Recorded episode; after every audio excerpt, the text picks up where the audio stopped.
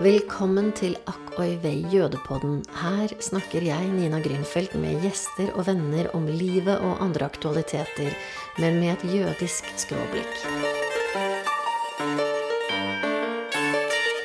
This is what tomorrow looks like. Let there be lights and wide, open spaces. WeWork's role is to elevate the world's consciousness. I forrige episode snakket Monica og jeg om filmen Tinder-svindler. I denne episoden tar vi for oss WeCrashed på Apple Pluss, dramaserien som handler om nok en lurifaks med jødisk bakgrunn. Og her er det mye å prate om. Akk oi vei. Uh, hei, Monica. Hei! Nå skal vi snakke om en serie som ikke så veldig mange har sett. Som heter We Crashed, og som ligger på Apple TV. Ja, det stemmer. Og som eh, er kort fortalt historien om dette firmaet som het WeWork. Som startet rundt eh, 2011 i New York. De fikk inn masse, masse penger og gikk skikkelig på trynet. Ja. Og dette er virkelig jødiske karakterer. Og Oi, oi, oi. virkelig jødiske miljøer. Eller oi vei! Oi vei. Oi vei. Akk oi vei. Dette er skikkelig akk oi vei. Ja, det er det. Denne TV-serien den tok utgangspunkt i en podkast som ble laget for et par år siden. eh, Med samme navn, egentlig. Og den handler jo om en ung israelsk fyr som kommer til New York full av eh, guts og futt, og han ville make it in the Big Apple. Adam Neumann.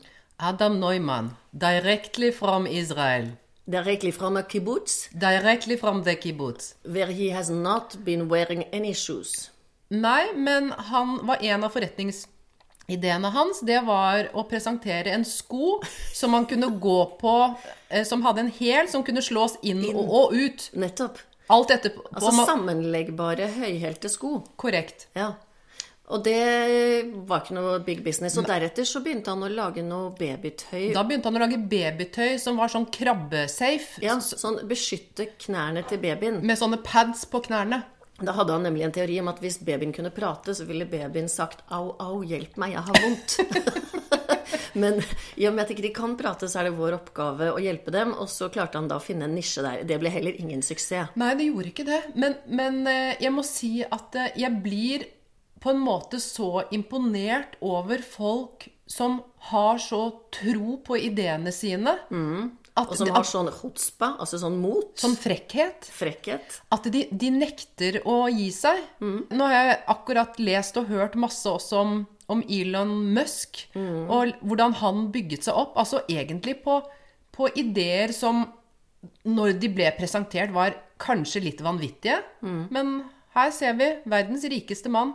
Og så er jo dette også et portrett av et samfunn der det fins en rekke investorer som veldig gjerne vil være med og tjene penger. Eh, Og når det da blir en sånn hype, så lukter de blod. Og da blir det etter hvert altså så mye penger i omløp på noe som kanskje egentlig bare er en luftboble og et pyramidespill. Og dette er jo det han egentlig eh, igangsetter når han starter da og utvikler ideen om et kontorfellesskap hvor folk skal kunne komme ut og inn og leie kontorer og skape seg også et liv. Han selger jo på mange måter en drøm. Han, han selger en drøm, og så må vi også huske på det at i USA, i veldig mye større grad enn her hjemme, så er det veldig mange som eh, drømmer om å skape noe nytt og stort, og da jobber du som frilanser. Ikke sant? Så han snakket jo veldig til liksom alle de hundretusenvis av frilanserne som satt liksom på kafeer og rundt omkring, eh, men som ikke hadde noe fellesskap. Så jeg tenker jo at dette her er jo et fantastisk eksempel på at bare du, du klarer å selge illusjonen din godt nok, så kan du faktisk få det til. For det som var, var at han hadde ingenting å selge annet enn at eh, du skal få sitte her, og her er det litt fancy vann og noen nøtter. Ikke sant? Men her kan du kanskje møte kjærligheten i ditt liv. Og så setter han i gang dette sammen med en venn, Miguel. og det som blir hans hustru, nemlig Rebekka. Som, Rebecca. Rebecca. Og Rebecca syns jeg er en veldig interessant skikkelse. Hun er det vi på 80- og 90-tallet kalte en Jewish American princess. En vaskeekte jap. Hun er spilt av Anne Hathaway. Ja, som ikke er jødisk. Ikke jødisk, men, men hun Men gift med en jøde. Å ja, det visste jeg ikke. Jo, jeg måtte jo google. Er det noe jøder Få det inn! Ja. Få det inn! Jared Leto spiller da Adam, ikke jødisk, men en fantastisk skuespiller. Anne Hathaway, ikke jødisk, spiller da Rebecca, men hun er faktisk i virkeligheten gift med en jøde. Og Sarah Silverman, en av mine favorittpodkaster, hun snakker jo hele tiden om denne kulturelle appropriasjonen, hvor ikke-jøder spiller jøder, og dette er nok et eksempel på det. Ja, dette har vi snakket om eh, før, så da er det bare å spole tilbake til episode Det kan vi skrive i shownotes, som det Ja. heter, under podkasten. Ja. Så dette, dette er et tema vi er opptatt av, og som vi stadig kommer tilbake til. Men eh, de gjør en fabelaktig innsats likevel, til eh, tross for deres manglende jødiske bakgrunn.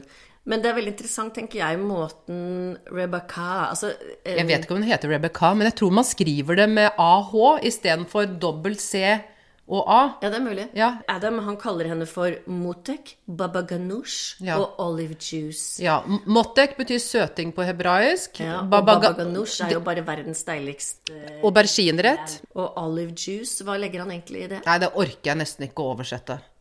Kan du det, da? Nei, det høres jo skrekkelig ut. Ja, Veldig rart å kalle noen for Olive olive Nei, juice. man, det orker jeg ikke. Vi lar den ligge. Ja. Ja. Men eh, er, i hans verden så er nok det noe veldig bra. De er jo et veldig sterkt par. Veldig. Eh, Veldig dramatisk. Jeg tror begge to har noen diagnoser. Ja, altså, det hadde jeg lyst til å, å diskutere med deg, fordi at uh, du er jo heldigvis datter av en psykiater. Og man skal ikke liksom fjerndiagnostisere men mennesker, men, men vi har lov til det. Jeg gjør det hele tiden. Inkludert meg selv. Ja, men, men hvilke diagnoser tror du at, at de har? For at de overrasker meg hele tiden. På, der hvor på en måte folk med et vanlig sanseapparat vil tenke at nei, nå var det, nok for, da, nå var det for mye av meg. Ja. Så blir det bare mer av dem. Ja, ja. You know you're not God, right? Have to admit, I do look a little bit like him. Det er helt klart noen narsissistiske trekk her. De har jo også til dels litt manglende empati med omgivelsene. Altså, de kjører jo over Gud og hvermann, og disse arbeiderne får jo knapt nok betalt. Han godeste Adam må jo være litt mytoman, litt løgnaktig. Eh, I hvert fall så bringer han ikke frem hele sannheten. Om han ikke direkte lyver, så holder han kanskje sannheten trygt forvart et annet sted enn der den burde være. Og så har han noen voldsomme manipulatoriske evner. Ja, ja, og han er jo en sjarmør uten sidestykke. Come with me, and let's build the future together. This is who I am. This is what I do. I will not stop. Det fins faktisk, eh, hold deg fast, en norsk motsvarende, selvfølgelig ikke jødisk. Hvem kan det være? Nei, hvem er det, Nina? Ja, hvem tror du det er? Nei, det, jeg, Nå tør ikke, håper jeg ikke at jeg blir saksøkt her. jeg tør ikke å navne den personen. Nå kommer det! Blåveis! Alt springer, det blir grønn, og det er mandag! Jo, Petter Stordalen. Det er litt interessant å se i omgivelsene rundt seg. Hva er det vi har av businessfolk i Norge som opererer på ulike måter? Og eh, dette narsissistiske trekket, dette veldig ekstroverte personlighetstrekket, det tenker jeg at eh, Og også dette litt sånn forfengelighet, ikke sant? Med klær og med luksus og uh, i Um, i denne serien så, sier, eh, så skriker alle de ansatte når de kommer på jobb We work, we work. Og at eh, mandag er den beste dagen i uken.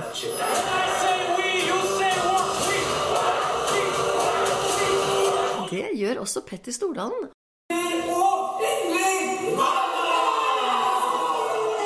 Han sier jo det at mandager er jo Det er da uken begynner. Det er da livet begynner. Og det er en sånn saying innenfor eh, Stordalen-konsernet, har jeg forstått. Så jeg tenker det, det, det fins en litt interessant, morsom parallell da, mellom Men eh, altså det du egentlig påpeker, det er at eh, det er bestemte mennesketyper som trekker trekkes mot de rollene der om å skape store ideer. Og at uh, den type eh, Altså evnen til å sjarmere omgivelsene, da. Overtale. Og ikke minst, det er ikke noe tvil om at uh, Petter Stordalen som Adam Newman har en evne til å, å trekke folk til seg.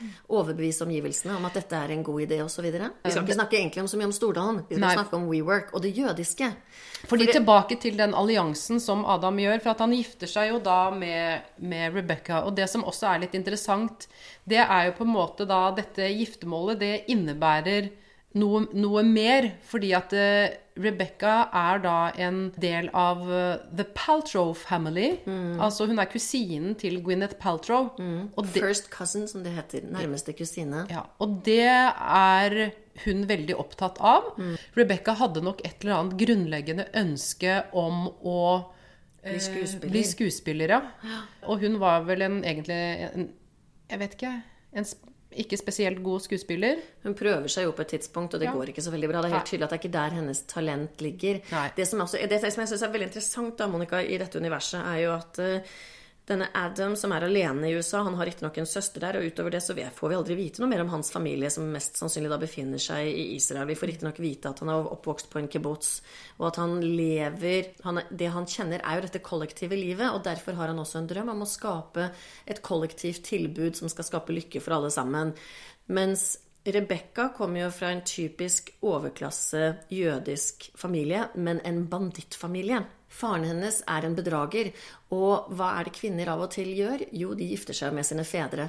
Sånn at når hun gifter seg med Adam, så gifter hun seg jo med en, nok en bedrager. er sant. Og har kanskje også til dels adaptert noe av disse manipulative egenskapene selv. Det er interessant dette miljøet og hvordan filmen våger. Der syns jeg den er veldig modig, hele serien. Våger å adressere kriminalitet inn i dette jødiske miljøet. For jøder er som alle andre. De er snille som alle andre. De er slemme som alle andre. De er lovlydige som alle andre. Og de er lovbrytere som alle andre. Og her får vi se den siden av et jødisk miljø. Men, men det som jeg må si jeg blir veldig sånn Som er veldig sånn fengende i denne serien, er jo hvordan Adam med sine evner klarer å snakke inn flere og flere en, altså store investorer som går inn med pengesummer som er helt elleville, liksom. Ja, ja, og får jo da også til slutt med seg en av verdens største investorer, denne Masa. Han har tjent masse, masse penger på internett i Kina. Og går nå inn med Adam og øh, gjør jo kanskje da sitt livs største tap, da. Men i alle, i alle fall i denne serien så vi får høre jiddisch. Vi ser her er det menn med kippa. Det er ut og inn av sekulære jødiske miljøer, men likevel preget av sånne typiske tradisjoner som vi ofte ser på film fra USA, nemlig bryllup, eh, selskapeligheter. Og så er det jo ellers et portrett av disse menneskene som lever i en sånn overdådig luksus. Enorm luksus. Eh, og det gjør jo Det er litt ubehagelig å se på. Eh, fordi i hvert fall, jeg tror nok både du og jeg kjenner litt på hvordan underbygger dette eh, forutinntatte Holdninger holdninger. om den grådige jøden. Ikke sant? For den grådige jøden ligger jo veldig eh, tett oppunder mm. overflaten her. Hva tenker du om det? Den Ja. grådige jøden. Ja, altså Vet du hva, akkurat det Jeg tenkte ikke så mye på at han var jødisk. Jeg tenkte mer på mennesketype. At dette her er slik en narsissist kan oppføre, oppføre seg. Men akkurat her eh, så reagerte ikke jeg så hardt på det, på det jødiske, for å være helt ærlig. Eh, det som vi vet, da, det var jo at, at på 90-tallet så var det jo veldig mange eh, israelere som søkte mot USA for å, for å prøve lykken. Og det kunne vært hvem som helst av de som fikk til dette her. Men eh, Adam var bare litt mer narsissist enn alle de andre. Mm. Så jeg tror at eh, dersom vi snakket med noen av de unge israelerne som dro over på 90-tallet, så tror jeg vi hadde fått noen historier om at ja, men det gjorde vi også, og sånn, sånn levde vi også. Jeg vet ikke om du husker at det er han som har hovedrollen i Fauda, han har laget én serie til som går på Netflix, hvor en del av handlingen foregår i New York. Ja, den har jeg sett. Ja, og da drar han også og besøker liksom vennene sine, og de bor i sånne shabby leiligheter hvor på en måte Altså, de har ikke penger til noen ting, og de lever av å pusse opp leiligheter for uh, velhavende mennesker. Mm. Og det var det de fleste holdt på med. Eh, og så er det noen få De er innvandrere som lever fra Så- hånd til munn. Ja, det gjør de. Og så er det liksom noen få som det, Altså, det er alltid no, den som vil det mest. Og Adam ville dette så vanvittig, og så var han Det er jo en kombinasjon av hell og manipulasjonsevner. Ikke sant? Kanskje med tyngdepunkt på man, manipulasjonsevner. Og det som er Det som nesten skremmer mest, det er jo det at eh, han har jo ikke fått en ordentlig straff. Nei, nei. Altså, han går jo ut av Dette er jo alt sammen basert på virkeligheten, og situasjonen i dag er at um, da alt dette raknet fullstendig, han ble kastet ut uh, Han ble tvunget til å gå på børs, noe han ikke ville. Når han da til sist gjør det, så blir han da CEO av dette selskapet, og så blir han til slutt da sparket av styret. Eh, Og så går jo hele selskapet på ratata konkurs, og denne Masa i Japan taper alle pengene sine. I et siste krampetrekning så kjøper jo han ut Adam Newman og for den nette sum av 700 eller 800 millioner kroner eller dollar. Nå husker jeg ikke lenger hva det var. Men altså enormt mye penger. Og så går han i skjul i to år sammen med kone og deres fem barn, som de vel har fått i løpet av disse årene, i Israel, faktisk. Så de reiser tilbake til, eh, til Adams eh, barndomsrike. Og nå, jeg, slik jeg har forstått det, jeg så et intervju som hadde vært med han nylig, hvor han snakket offentlig for første gang på to år. Eh, og han gjør jo det med Han lykkes jo ganske godt også da å prate seg rundt hvordan han jo faktisk indirekte har stjålet penger av alle de ansatte. Eh, og han påstår selv at han har tilbakebetalt på sin måte, men det vil han ikke snakke om i offentligheten. Nei, men på, på, på sin måte er det ved å slå en telefon og si ja, 'sorry, buddy, du får ikke penga'. Ja, litt der. Altså, jeg tror Det de snakker om, er vel at de første investorene har fått en del. Så det er ikke bare han og denne Miguel som har blitt sittende igjen med penger. Men det er klart, enormt mange av eksterne investorer har jo tapt alt. Og noen få av de første medarbeiderne har tjent litt. Og utover det er det veldig mange medarbeidere som kom inn på et senere tidspunkt, som aldri har fått noen ting. Ja. Men, men jeg må jo si at uh, det jeg ikke liker i den historien, det er det vi sitter og snakker om nå. For nå kommer vi til på en måte bildet av den grådige jøden. Eh, og det er jeg utrolig lite begeistret for. Fordi at han burde stilles for retten og stå til rette for all uretten han har gjort. Fordi at eh, Ja, men rent rettslig så har han jo ikke Det her vil sikkert de ulike juridiske lærde strides om. Og de som mener at han har lurt dem da for penger. ikke sant? Det er interessant å sammenligne denne, denne historien med Elizabeth Holmes. Hun som The Dropout. Eh, ja, det er det den serien heter. The Dropout. Ja. som handler om denne kvinnen som har, har klart å også skape en boble rundt et medisinsk verktøy som rett og slett ikke fins. Ja. Og det jeg har klart å forstå ut av dette, er at noen påstår at hun blir hardere straffet. Hun fikk vel nå nettopp en fengselsstraff som var på herfra til jeg vet den omtrent. Det skyldes at hun har spekulert i folks helse. Eh, Det handler jo om at det er investorer som går etter henne. De vil ha tilbake pengene sine. Og nå ønsker man å få et regelverk i USA som faktisk får, eller legger begrensninger på denne Klondyke-finansbusinessen. Noe interessant tenker jeg også er fins det et kjønnsperspektiv her. Altså Hun er kvinne, Adam eh, Newman er mann. Slipper gutta lettere unna. Når disse store de, de virkelige medskyldige, tenker jeg, er jo egentlig ikke i utgangspunktet bare Adam Newman. Det er jo alle disse finansgutta som har sittet og luktet blod og vil være med å tjene penger, og som ikke gjør hjemmeleksen sin. Og det fins jo en veldig spennende karakter i serien som hele tiden påpeker og sier 'dere blir lurt', men folk vil ikke høre. Høre. Nei, de vil ikke høre på Så det det er jo keiserens nye klær, ikke sant? Ja, og det er jo Men ja, jeg er enig med deg. Det er en god sammenligning med den serien som heter eh, The Dropout. Men jeg mener jo at eh, Adam burde straffes. Det kan godt hende at eh, det finnes mange hjemler for å kunne tiltale han. Det har da ikke skjedd, og mange er sikkert veldig sinte. Og han later til å leve uforskammet godt med det. Og det er litt ubehagelig, Veldig. sett i et sånt jødisk perspektiv. Veldig ubehagelig. Og så tenker jeg at det fins jo også Vi har jo snakket også i en episode om Tinder-svindler, som jo også er en jødisk Ja, svindler. så det jeg kjenner på meg at jeg har litt behov for, det er å vite litt mer om hvordan israelsk rettssystem forfølger eh, de som har svindlet Altså israelere som har da svindlet mennesker i utlandet og kommer hjem. Ja, De kan jo ikke rettslig forfølge dem for ting de har gjort i utlandet, men denne De kan sende dem ut. De kan sende dem tilbake til landet hvor de har gjort svindelen. Ja, men da må noen be om en utlevering, da. Ja. Eh, Men denne Tinder-svindleren, han er jo blitt straffet i Israel for sine handlinger der. Han har sittet i fengsel for svindelvirksomhet Men han er ute nå. Jeg tror han er i Europa. Ja, ok. Men du kan si Adam Newman har kanskje ikke bedrevet eh, økonomisk kriminalitet i Israel, og derfor har de heller ingen grunn til å rettslig forfølge han. Om de har gjort det eller ikke, det vet jeg faktisk ikke. Men amerikanerne eh, kunne jo sikkert gjort det hvis det var en hjemmel for det. Eller også så er det slik at de som har tapt alle pengene, eh, de anser det ikke som eh, mulig å få det tilbake. Kanskje har de andre sin på skogen selv. Eh, det er heller ikke billig å forfølge noen juridisk. Så hvis ikke du har penger i utgangspunktet, så har du ikke råd til å ta den risikoen. Ja, altså jeg sier bare at hvis det er for godt til å være sant, så er det det. Ja, ja. Da er det sjelden sant. Ja. Og det var det jo ikke her heller, men folk lot seg lure. Det fins jo også en interessant Helt i første episode så inngår de en, en leieavtale med en sånn skikkelig eh, ordentlig eh, karikatur av en eh, litt sånn kortvokst, litt lubben jødisk real estater med kippa. Og han har det tydeligvis med å skulle inngå avtaler på store summer pluss 18 cent. Husker du det? Nei, den husker jeg faktisk Nei, ikke. det er fordi at, altså 18 med 8, 8, tallet 8 er hai. Og hai betyr liv. Og man sier jo lachaim, ikke sant? Skål Ja. til livet. Eh, og så får jo da Adam vite i sitt eget bryllup at eh, hvis han, denne forretningsmannen, har spurt om 18 cent, så er han lurt.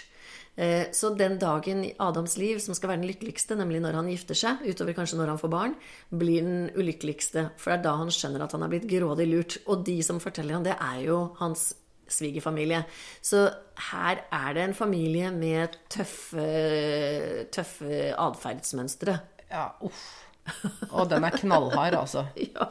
Det slår meg jo også litt sånn i samtiden da, med, med karakteren Adam og hele dette universet. Det minner meg jo litt om Trump og hans svigersønn Jared Kushner.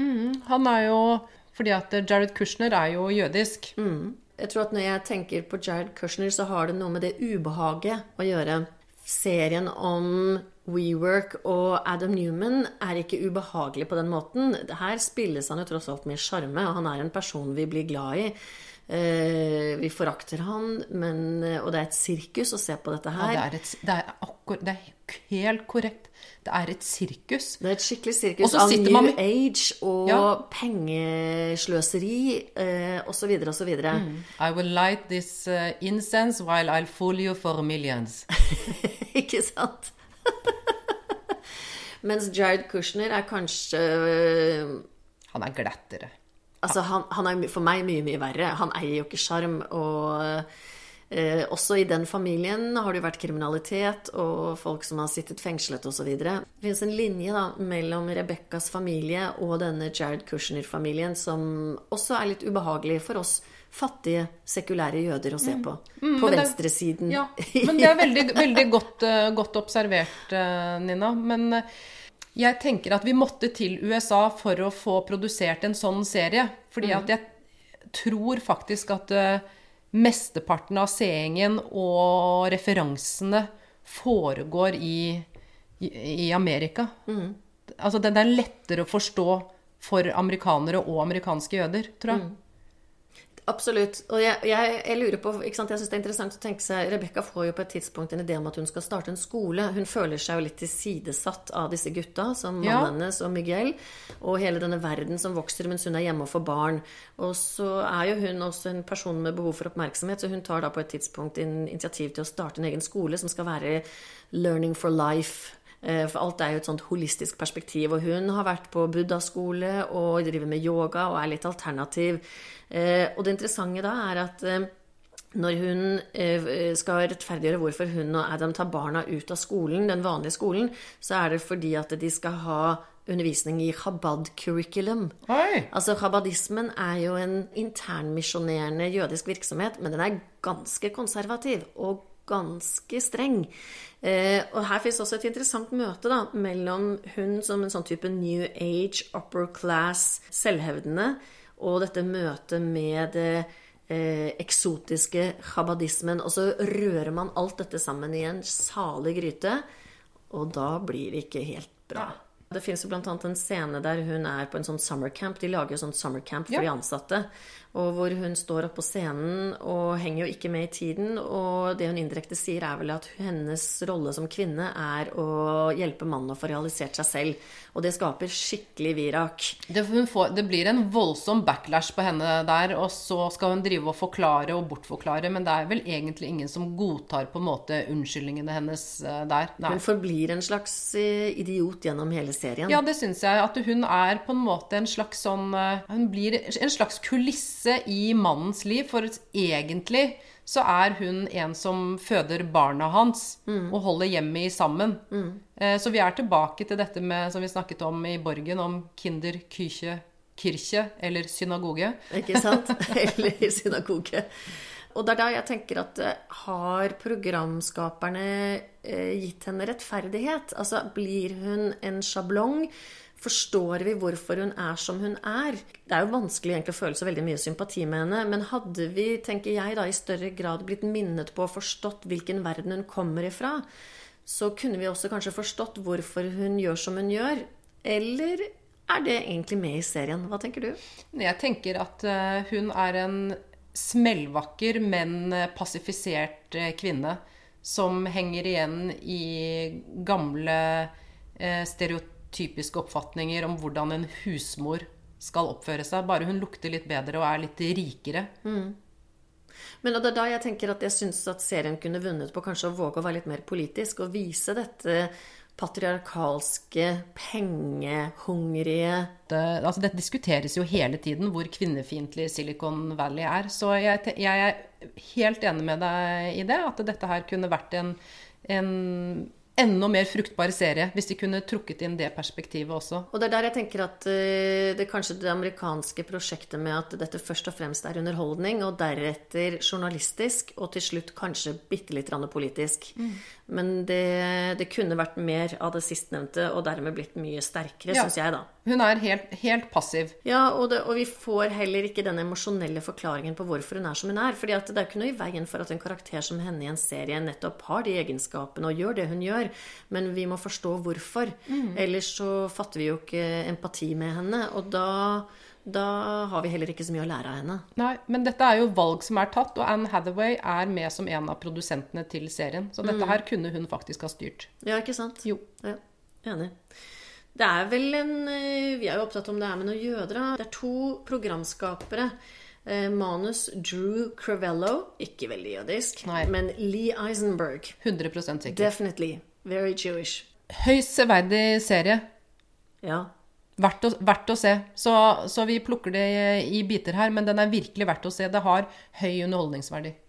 Jeg er helt enig, og jeg bincha den. I, likevel avslutningsvis gjenstår å si Er den antisemittisk? Eller for å si det på en annen måte avstedkommer den antisemittisme? Jeg vil si at i den Når du formulerer spørsmålet på den måten, gitt alt det vi har snakket om nå, så tror jeg faktisk at eh, ja, det kan den. Mm, jeg tror nok dessverre også det. Jeg tror nok de aller fleste ser på den og syns bare at dette var gøy, og at det er eksotisk. Men jeg tror at for mange mennesker der ute Vi vet at antisemittisme er eh, alltid nærværende i ulike deler av samfunnet. Så skaper den Hva heter det? Ild til flammen? Sier man det? Nei. Ja, og i USA, som har et så enormt problem med antisemittisme nå i disse dager, så hjelper ikke denne serien på. Og så blir jo da det siste Er det en tendens vi ser når vi ser en serie som denne og programmet Tinder-svindler? Kommer det til å komme flere slike? Og hvis ja, hva betyr egentlig det? Ja, Det betyr bare at vi må ha flere sesonger av Jødepodden. Veldig bra. Veldig bra, Monica. Tusen takk skal du ha. Vi ses snart igjen. Ja, det gjør vi heldigvis.